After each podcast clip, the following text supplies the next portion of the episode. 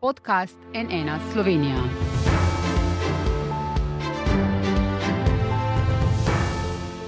Dobro dan, to je NN studio. Teden dni je minilo od imenovanja vlade Roberta Goloba. V tem času se je njegova ministerska ekipa sestala na treh sejah, na katerih je v glavnem sprejemala kadrovske odločitve. V skladu z napovedmi pa se je lotila tudi nekaterih potez prejšnje vlade, povezanih z ukrepanjem proti protestnikom. To pa je precej razburilo prej vladajočo SDS, ki protestira tudi proti naročenemu seznamu vseh zaposlitev na ministrstvih od začetka leta 2020 do danes. V studiu sta z nami predstavnika dveh največjih parlamentarnih strank, Tamara Kozlovič, Gibanje Svoboda in Branko Grims, Slovenska demokratska stranka. Dobr dan, dobrodošla. Zdravljeni. Dobar dan. Uh, najprej pa bomo pogledali izjavo notranje ministrice Tatjane Bobnar, ki jo je podala danes po seji vlade in sicer je povedala več o dveh sklepih, ki sta bila sprejeta glede ukrepov proti protestnikom. Glede že izrečenih glob bodo do konca avgusta opravili analizo vseh pravnih podlag in odlokov, potem pa opredelili različne kategorije prekrškov oziroma postopkov. Ne gre za potezo velikega čopiča, nasilneže ne bomo enačili z miroljubnimi protestniki. K reševanju je potrebno namreč pristopiti postopno in na način, ki ne bo povzročal novih pravnih dilem ali morda celo krivic. Pomembno je spoštovati načelo enakosti med državljani. In drugi sklep se nanaša na prenehanje veljavnosti sklepov vlade glede tožb za povrnitev stroškov policije na neprijavljenih shodih. Vlada je preklicala sklepe prejšnje vlade iz decembra 2021 o vložitvi tožb za povrnitev stroškov policije na štirih shodih. Delovna skupina državnega odvetništva je namreč Ministrstvu za notranje zadeve svetovala, da se nove tožbe ne vlagajo, že vložene pa umaknejo. Naj ponovim, poseg v ustavno pravico so dopustni le izjemoma in poseg mora biti seveda nujen in sorazmeren. Zgolj formalna pomankljivost neprijava shoda namreč ne utemeljuje stroškovne sankcije v smeri naložitve stroškov policije. Vi ste to potezo ministrice Bobnar in vlade kot celote ocenili z besedami, da Slovenija ni več pravna država, da je ustava poteptana. Kaj pravite danes, ko je ministrica, slišali smo malo bolj natančno razložila, kako se bodo tega lotili? Ja, še enkrat sem lep pozdrav. Tisto, kar bi pričakoval od ministrice, je, da dobro prebere zakone v celoti in da prebere tudi ustavo Republike Slovenije. V danem primeru tega očitno ni storila. Kaj ti sicer bi vedela, da v zakonu je kristalno jasno opredeljeno, da če je potrebno sodelovanje oziroma angažiranje policije na neprijavljenem shodu, je potrebno potem izterjati od organizatorja vse stroške. Se pravi, to, kar je naredila v resnici ministrica Bobnarjeva, je kaj naredila. Ne? Ona je s direktno kršitvijo te zakonske določbe in s tem tudi Ustave Republike Slovenije, zlasti njenega drugega člena, ki govori, da je Slovenija pravna država, ter 14. člena, ki govori, da smo pred zakonom vsi enaki, za te konkretno nasilne, to nikako niso bili nenasilni, in protipravne proteste pač prevalila breme celotnega varovanja, ki je ogromno, gre za 882 tisoč 650,82 evra, to je izračun policije same. To breme je prevalila na državljanke in državljane. Veste, kaj to v praksi pomeni? Zaradi tega, ker so se ti ljudje sprehajali in ovirali promet, kurili po ulicah, metali vse mogoče, izvajali različne oblike nasilja, ovirali promet, nekateri niso mogli ne v službo, ne iz služb, mami niso mogli do otrok in so bili že zato ti ljudje prizadeti. In zdaj ti, ki so bili prizadeti, bodo tistim, ki so zavestno kršili zakon zaradi odločitve te vlade še plačali stroške. To je škandal, to je protipravno, to je konec pravne države in je tudi očitno protiustavno. Gospa Kozlovič, kakšno sporočilo morebitnim protestnikom v času te vlade ne, s to potezo po vaše pošilja vlada Roberta Goloba? Ja, lep pozdrav tudi v mojem imenu. Uh, jaz bi začela s tem, da uh, smo mi že v času volilne kampanje obljubili drugačno politiko uh, in to zdaj samo udejanjamo. Uh, kar bi še nadaljevala je, da sem v tem mestu, uh, kar sem na novo poslanka, ugotovila, uh, da si z največjo opozicijsko stranko drugače razlagamo posamezne člene, bodi si ustave, bodi si zakona. Torej, oni imajo neko svojo interpretacijo, mi imamo svojo. Uh, torej, Torej, mi smo absolutno prepričani, eh, ker verjamemo v pravno državo in to bomo tudi dokazali s trdim delom, da ministrica uh, ni kršila nobenega zakona, nobene ustave uh, in tudi sama je napovedala, da se bo poglobila v vse prekrške, ki so nastali in na podlagi pregleda in analize vseh zadev, ki so se odvijale, tudi ukrepala. Mal smešno pa je, da govorimo o tožbah. Proti tistim, ki miroljubno berejo na trgu republike ustavo uh, in govoriti, da so agresivneži in zahtevati od njih uh, razna povračila, uh, če vemo, da je ustavna pravica po temu, da lahko protestiramo. No, tole pravljico o branju ustave vedno znova poslušamo. To je ena od teh floskol, ki so zmišljene za to, da se pač buri eh, čustva ljudi. Ampak to je, se pravi, čujemo dovolite, je šlo, ne, ne, šlo za ljudi, ki so preskočili ograjo, ki so jo postavili policisti, 27 jih je bilo, eh, in so se uprli njihovim eh, pač zahtevam, da ne se odstranijo iz varovanega območja. Vemo, da je bilo to pred objektom, ki se ga posebej varuje. In Eh, šele potem so bili ti popisani in tem so bile izrečene kazni. Min grede pa to je ena zgodba, drugo pa je organizacija. Organizacija bi morala biti narejena skladno z zakonom, se pravi naprej prijavljena in poskrbljeno za ustrezno varovanje. Ker tega ni bilo, po zakonu potem to je dolžna prevzeti policija. In kar je najpomembnejše, po zakonu plača stroške organizator. Ne da lahko plača, to ni nobene besede lahko, ampak je imperativno mora. To se pravi, Grims, eh, ministrica sam... je zavestno in v celoti kršila zakon. Bi vam samo prebral, če, če dovolite, gospa Kozlovič, prebral bi vam uh, iz sodišča, kar je sodišče odločilo v zadevi Rozman, ne, glede branja ustave, da je pravica do zbiranja in združevanja ena od temeljnih ustavnih pravic, ki jo je storilec manifestiral na način, da je pred parlamentom mirno bral ustavo Republike Slovenije, s svojim ravnanjem pa varovanega objekta, torej parlamenta, ni ogrožal, prav tako pa ni ogrožal drugih ljudi, ki so se v majhnem številu zbrali v njegovi bližini. To je reklo sodišče, gospod Grims. Ja, samo ti, ki so bili popisani po podatkih, sam sem mu priliko to poslušati na sejah, uradno od policistov in nihče tega tam ni zanikal, so preskočili ograjo in so vdrli v varovano območje. Kar se pa tiče tega, koliko so bili to mirni protesti, veste, zakon je kristalno jasen. Že če je oviran promet, tudi s prekomerno frekvenco prometa, eh, je to seveda eh, oviranje prometa in sodi potem pod ta zakon.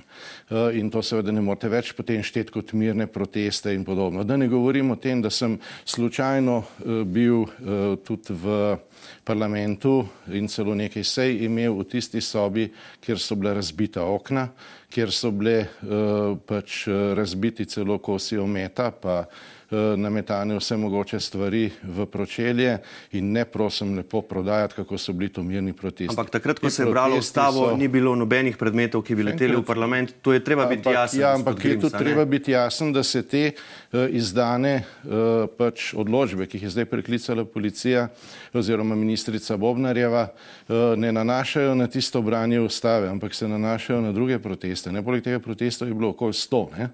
Eh, izdane so bili pa šele trije Eh, nalogi za plačilo in še ti trije so zdaj umaknjeni, novih pa očitno ne bo, ker pomeni, da je zajeta celota. Celota je bila pa izrazito nasilna. To se pravi, nasilje je, če ti oviraš promet, nasilje je, če udereš na avtocesto, nasilje je, če ljudje ne morejo iti v službe, če mame ne morejo iti po svoje otroke. Vse to je nasilen protest in ga sankcionira zakon. In, in tukaj se zdaj bilo... vse meče v uh, isti koš. Ampak takih protestov je bilo, gospod Grims, jaz sem bil tam, jaz sem te proste, proteste spremljal, bili so ob sredah, to so bili protesti lani septembra, oktobra, Vete, ki so nasprotovali, ne, dajmo besedo ja. še gospe Kozlovič. Te pravice, kako se ločijo protesti, jaz sem tudi šel skozi te proteste, o katerih ste vsi poročali, kako so mirni, ker sem imel pač določene zadolžitve, po Ljubljani, so Grims. določene zadolžitve, ki sem jih mogel opraviti. Vame so letele različne stvari, upil so, da mi je treba ubiti toliko mirnih protestnikih. Ne, v enem primeru je nekdo vame kolo vrgel, sem ga ujel in tako dalje in tako dalje. Dva sta pa za mano. prijavili to policiji? Vse so policiji, uh -huh. tudi na sejah odborov sem to desetkrat povedal, ne enkrat, ne, tako Dobro. da tudi gospod to ve. Eh, na enem, v enem primeru sta dva za mano metala granitne kocke. To, gospod in gospod, je poskus umora, če ne veste tega. Ne. Vi pa govorite o mirnih protestih, a mi živimo v paralelnih svetovih ali kaj. Glejte celoto celota je bila izrazito nasilna, huiskaška, mediji ste to kurili, dosegli ste svoje, žalostno pa je, da se zdaj gre naprej in se še ruši ustavni red v celoti, s tem, da se niti ne upošteva zakona, da bi se izterjalo tiste stroške od znanih organizatorjev, ve se, kdo je vabu, ve se, kdo je tam govoril, eh, da bi se vsaj to ne zvalilo še na pleča ljudi, tistih, ki so že itak enkrat bili prizadeti, na nje se pozablja, ne? Eh, in zdaj bodo še ti ljudje, vsi državljanke in državljani, dobro. plačali stroške tistim, ki so zavestno kršili zakon. Dobro, dobro gospod Grims, če dovolite še svoji sogovornici do besede, tu je treba pojasniti, nasilje je bilo ob sredinjih protestih, ne pa na petkovih, ki so potekali sto tednov in to je treba zelo jasno povedati. Izvolite, gospod Kozlovič. No, jaz bi tudi tukaj nadaljevala, da ni za enačiti vse protestnike, niso bili vsi uh, agresi agresivni, pravzaprav večji del je bilo neagresivni aktivnih protestnikov. Mi verjamemo v pravno državo in zato smo pripričani, da je treba pustiti inštitucije, da opravijo svojo delo, vrniti jim je treba zaupanje. In eh, res mi je nekoliko smešno slišati očitek eh, kolega, kako eh, so protestniki kršili zakone strani vlade, ki je vladala z odloki, ker je ustavno sodišče reklo, eh, da so kršili eh, ustavo. Tako neka dvojna merila, eh, kar sem se jih tudi na nek način v tem mesecu hitro mogla navaditi, vseeno pa upam, da bomo v nadaljevanju bolj zreli v državnem zboru in se kdaj postavili tudi ogledalo sami sebi in bili sami do sebe tudi kritični in delali v dobro tistih, ki so nas postavili na ta mesta. Ampak kako boste vi, boste dobili besedo, kako boste vi oziroma kako bo vlada, gospa Kozlovič, eh, ki jo vodi vaša stranka Gibanje Svoboda, eh, eh, preprečila morebitne zlorabe. Ne? Zdaj se bo pač analiziralo kršitelje, ki so dobili globe, se bo nekako razporedilo v različne kategorije. Do konca avgusta ne bi bila ta analiza teh pravnih podlag in, in odlokov prejšnje vlade pač opravljena. Pa kako boste preprečili, da ne bo prišlo do zlorab, da tisti, ki so pa bili nasilni na protestih, bilo je nasilje, a ne ob sredah, da ne bodo tisti potem uh, oproščeni uh, oziroma da bojo še denar dobili nazaj? Torej, verjamemo v pravno državo, verjamemo, da inštitucije, ki so za to pooblaščene, bojo svoje delo opravili in bojo znali prepoznati, kdo je tisti, ki mu je treba soditi, če karikiram.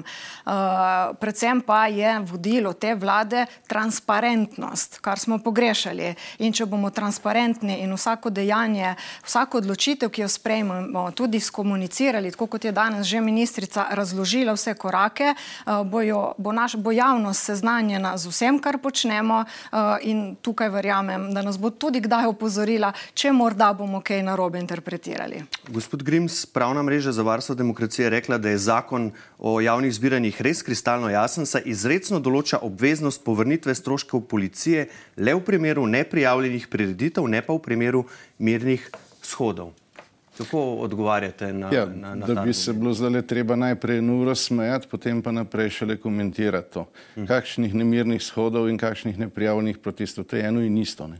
Tukaj smo imeli opravka s neprijavljenimi protesti, ki so po mnenju, vašem mnenju, tudi vi ga zdaj zagovarjate, potekali kot mirni shodi, pa še hočete jih ločiti, eni so bili, eni so bili drugo. Zanimivo, da so bili pa iste face na obeh, ne? pa isti so vabili, pa eh, na istih eh, straneh na internetu so bila vabila, pa vse je bilo isto. Ne? Se pa hoče delati, da, se pa hoče delati neko razliko. Ni, vse je bilo eno in isto, ljudje so bili nahujskani in zato so kršili zakon, ker so mislili, da si to lahko prvošijo. Ampak povejte Zdaj en pa... primer, gospod Grimsko je v petek prišlo do nasilja na protestih? Prosim, povejte en konkreten primer. Ravno tisto metanje v granitnih kock, sem vam povedal, se je zgodilo v petek, pa tudi tisto s kolesom, pa tudi tisto, ko sem šel jaz med njimi, pa sem mogel iti v Italijo dati neko izjavo, sicer do meje, ker uh -huh. zaradi eh, COVID-a ni bilo možno iti čez, sem italijansko pač televizijo, ko sem prišel nazaj, je lahko tisti policist, ki mi je takrat odmaknil ograjo pričane.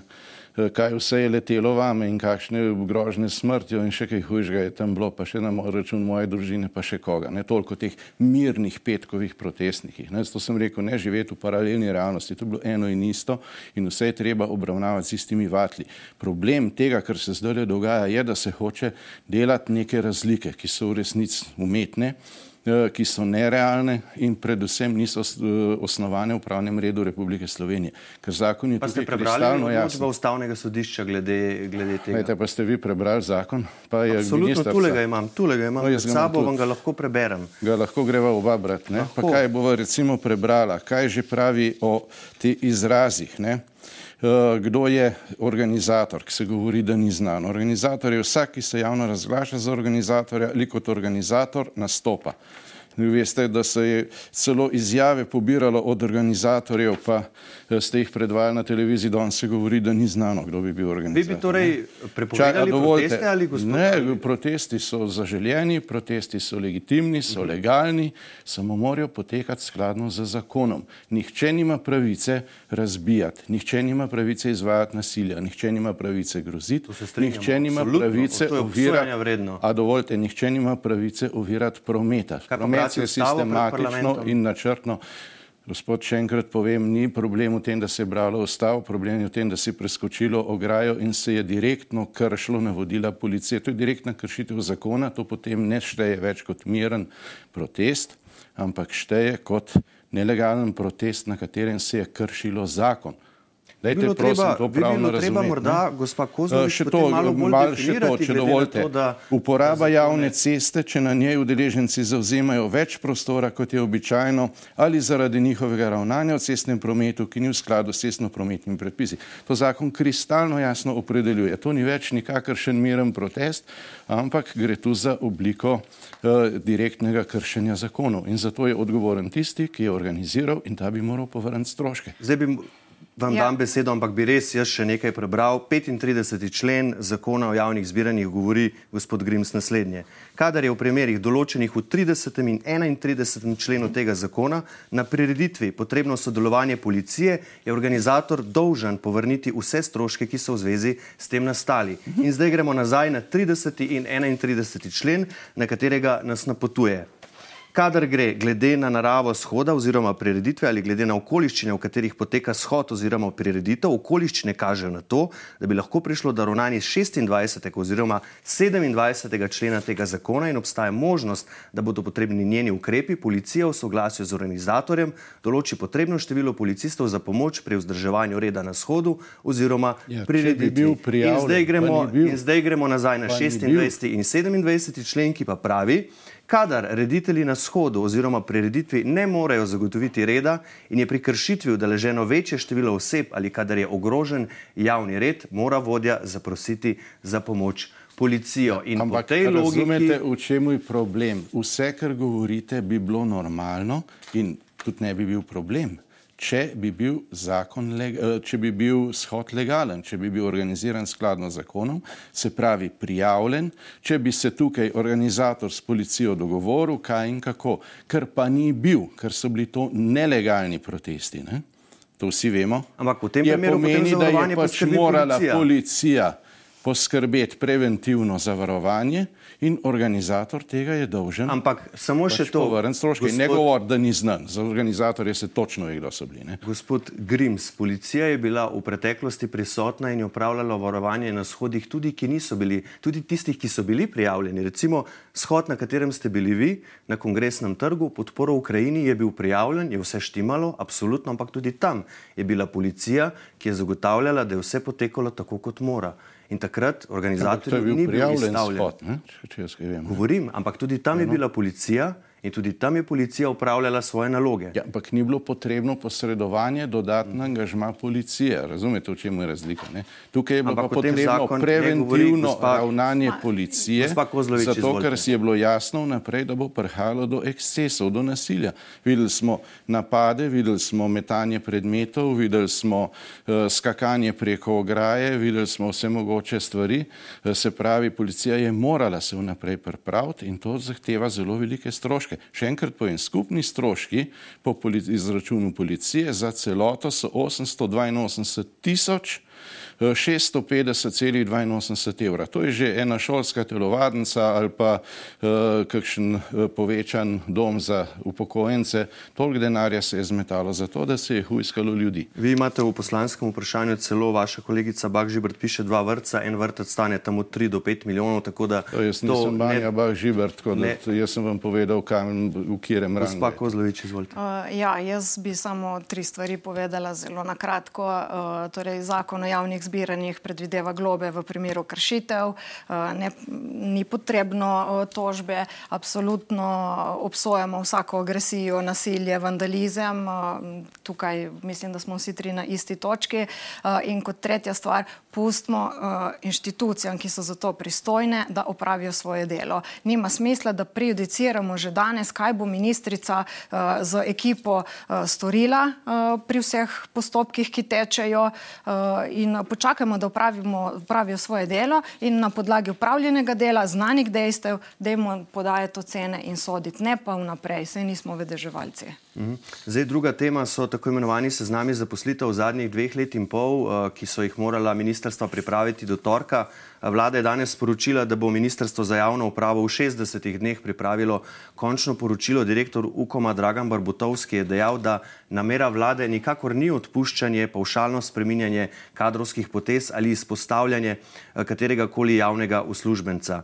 Pravijo, ključen namen je, ali je prišlo do neprimernih ali nezakonitih praks. Če da, bo praksa sanirana s sistemskimi rešitvami. To vas, gospod Grims, ne prepriča. Vi ste govorili o Berufsverbotu. Tako je. Lete, spet smo na tem, da bi se morali najprej eno uro smejati. Ne? E, če bi šlo za nek konkreten primer, za nek konkreten problem, eh, morda zaznavo neke nepravilnosti, se tak primer rešuje posamično. Tukaj je pa vlada sprejela generalen sklep, kar tako, ne, treba je narediti sezname in to se točno vidi, zakaj gre. Za tisti čas, ko uh, je bil pač na oblasti nekdo drug. Ne. Uh, kaj to v praksi pomeni, tukaj je očiten namen, ne. temu se reče politične čistke uh, in to je v očitnem nasprotju z 49. členom Ustave Republike Slovenije. Kaj pravi ta? Svoboda dela. Vsakdo ima pravico svobodno izbirati delo in vsakomur so pod enakimi pogoji eh, dostopno katerokoli delo v Sloveniji. Eh, v primeru, da se pa zdaj začne sistematično, eh, po domače rečeno, metati ven ali pa čistiti, ne, ali pa kakorkoli že uporabite izraz ljudi, ki so bili zaposleni v določenem obdobju, ker se očitno izhaja iz nekega pregona političnega prepričanja, je to spet bom uporabil izraz očitnem nasprotju z ustavo, ki pravi, da ne glede na politično prepričanje ali katero koli osebno okoliščino imamo vsi enake pravice, ustavne pravice, vsi smo enaki pred zakonom.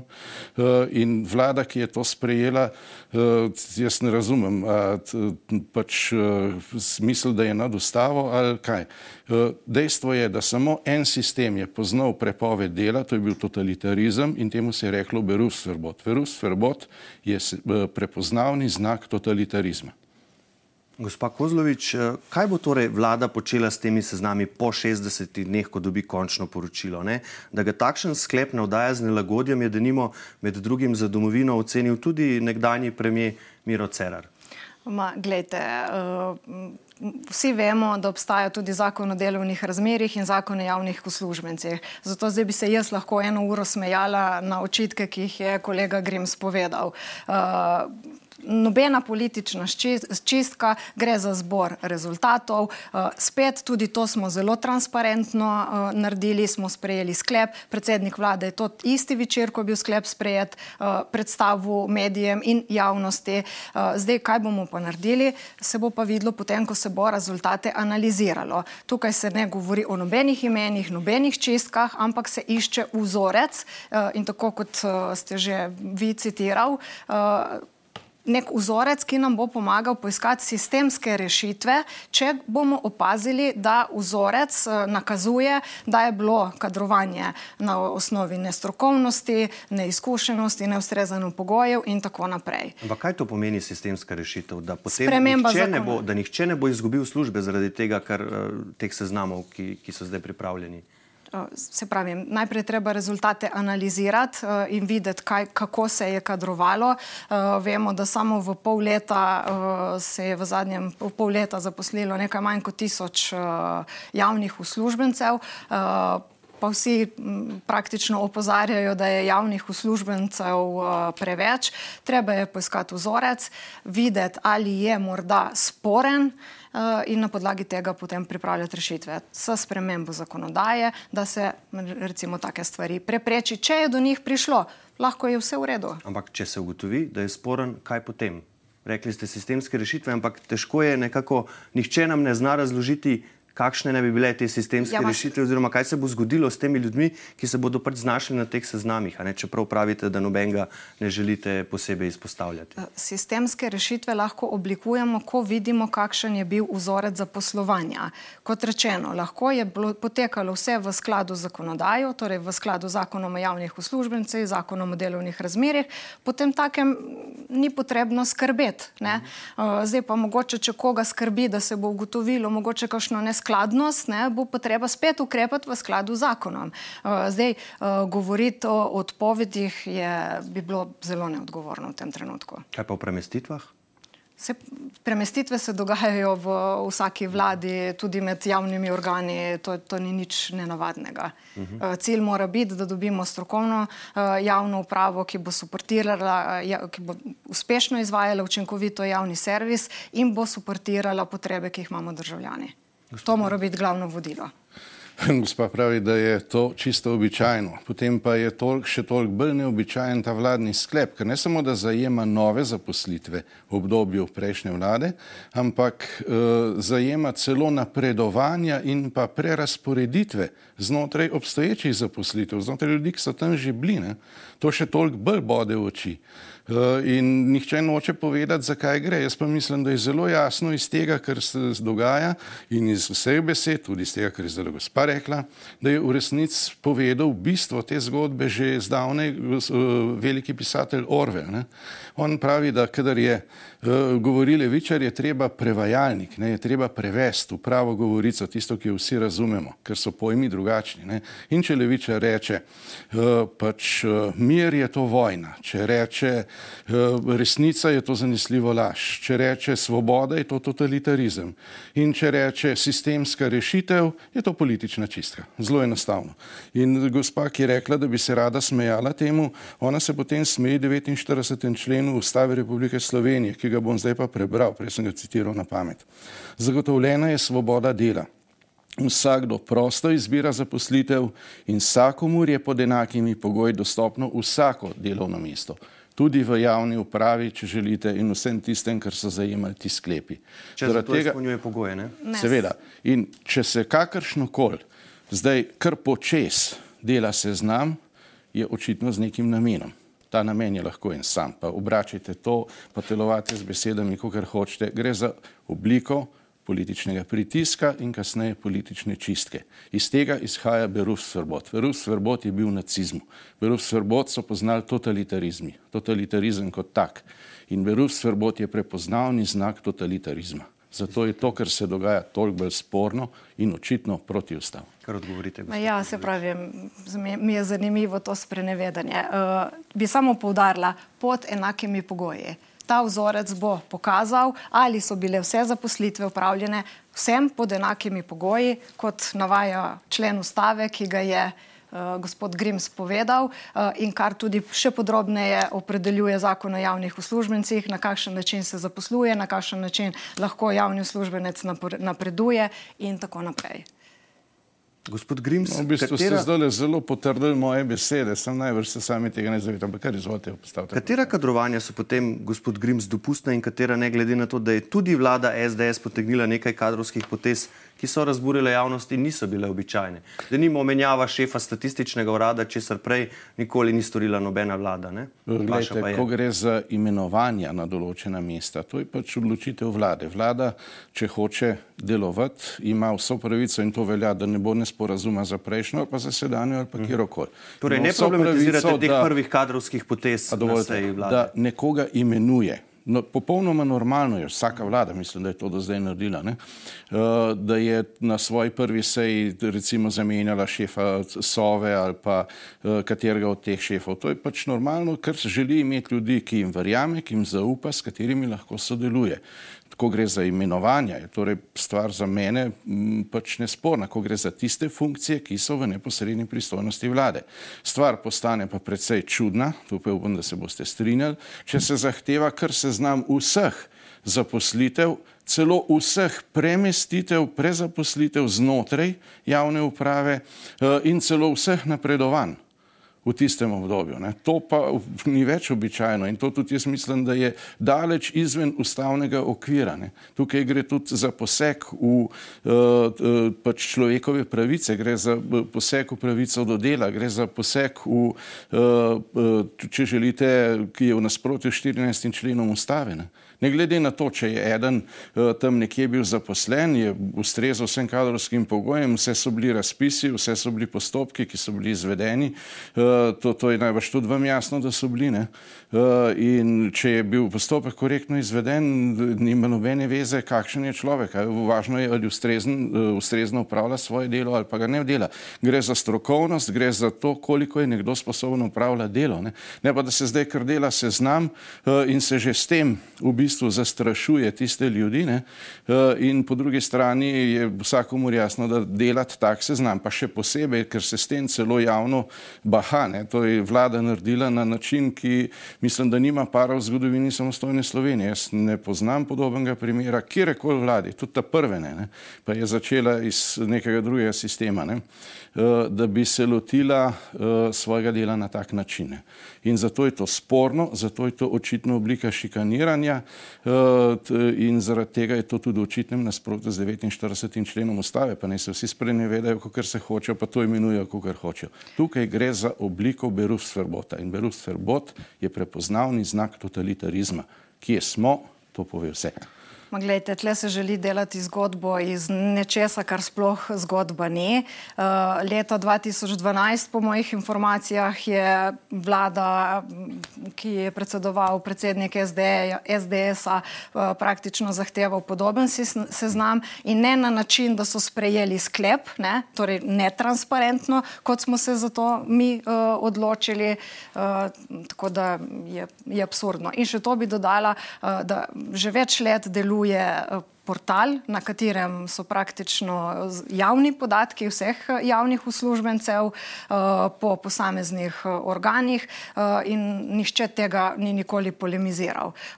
Za dobiti, torej za pripraviti sistemske rešitve, torej dobiti vzorec, pa to lahko narediš samo tako, da analiziraš podatke, kot pri vsaki stvari. Zato imamo statistični urad Republike Slovenije, ki ste ga prej omenili, da zbira informacije, da zbira neke statistične podatke, ki služijo vladi, ministrstvom, uh, vsem praktično v tej državi, da, se, da lahko laže sprejemajo odločitve uh, za dejanja, ki jih želijo izvesti. To je normalen proces. Dovolite, samo dve stvari pojasniti. Eno, so podatki, se, za katere se zaprosi ob primo predaji, drugo pa je, če nekaj vlada naloži s sklepom. Vsak akt izvršilne veje oblasti mora biti utemeljen na zakonu ali na drugem predpisu in mora biti skladen z okvirom ustave. Če je v očitnem nasprotju z 49. členom ustave, je to kršitna, očitna kršitev eh, pooblastil, ker mi grede za sabo potegne še kazensko in drugo odgovornost. Tudi tista zgodba, o kateri smo prej govorili, ne, eh, kaj se je dogajalo na na protestih. Veste, tam je tudi vprašanje, kje se bo ta stvar končala, ker neustrezno ne delanje s uh, javnimi sredstvi, uh, malomarno ravnanje na, uh, pač s, ali pa prekoračitev pooblastil, če želite, ali pa malomarno delo v službi. Vse to so kazniva dejanja. In vsak tak sklep, ki je tako sporen, ki ga ne zna pojasniti niti tisti, ki ga je sprejel, kakšen je bi bil njegov pravi namen, uh, ima očitno te elemente. Zdaj pa zakaj sem to zdaj opozoril? Zato, ker gospa govori o statistiki. Če bi šlo za statistiko, bi imeli številke, vi pa ste zahtevali poimenski seznam. Ne? To celo piše. To je osnova to za pa ni več, ja, čakajte, to ni več statistika, ampak je čisto nekaj drugega, ne se sprenevedati. No. No. Glejte, da ni nič narobe, je potrdila tudi informacijska pooblaščenka KPK in se pravim, to ni nič nenavadnega, tudi ne vem, zakaj se iz tega dela res tako dramo. Če je bilo vse speljano tako, kot je treba, pa sploh problemov ne bo. Pa, gospod da... Grims, en tak primer, recimo v prejšnjem mandatu je bil novan strani Ministrstva za kulturo nov direktor Narodnega muzeja, ki je danes odstopil. Se mi zdi, da je on primer kompetentnega kadra ki je bil nastavljen v času. Odločajo tisti, ki so za to kompetentni. Jaz osebno ga ne poznam, nisem v tem postopku sodeloval in ga ne morem ocenjevati. Temu pa se jaz izogibam, da bi ocenjeval nekoga, eh, ki ga sam ne poznam. Ja, priznal je danes objektivno odgovornost, priznal je danes objektivno odgovornost za, za to blamažo, ki se je zgodila. In vem njene ne, rešitve in prejšnja vlada je bila izjemno uspešna. Jaz samo upam, da se ji bo nova vsaj približala, dosegla je pa ne bo nikoli. Greva lahko pa zdaj le staviti javno. Gospa Kozlovič. Po, po razvojnih rezultatih. Na prejšnjem četrtletju je vlada Jana Zajanša dosegla 9,8% rast slovenskega gospodarstva. Če to dosežete ali presežete, vse. Rezultate je treba gledati tudi v kontekstu, ja, ja, v kontekstu časa. Bila je vsega, pandemija in bila je že vojna v Ukrajini. Vi, tako vi, kot jaz. Da, da gospa samo zaključi in potem končamo. Izvolite še vaša zaključna misel, gospa Kozlovič. Uh, tudi na ta izziv, ki vam ga je dal ne na zadnji. Uh, Glejte, uh, vlada je že dokazala, da del funkcionira transparentno. To je naše vodilo, to bo naš moto uh, cel mandat uh, in tudi, da, dos, da smo zelo učinkoviti in da dosegamo rezultate. Uh, tako da jaz verjamem, uh, da se bo čez štiri leta lahko primerjala statistične rezultate in v bistvu bila oba zadovoljna, ker verjamem, da je obema pomembno, da se Slovenija razvija in da dosega dobre rezultate. In zagotovo bomo na ena tej vladi, tako kot smo prejšnji, eh, zelo podrobno gledali pod prste. Za danes pa spoštovana gosta, najlepša hvala, da ste prišla, gospod Tamara Kozlovič, hvala. gospod Branko Grims, najlepša hvala. hvala. Srečno, srečno Slovenija. Hvala pa tudi vam za vašo pozornost. Če ste morda začetek današnje vdaje zamudili, je že v celoti na voljo na naši spletni strani nnainfo.si. Studija pa le še lepo zdrav in nasvidenje.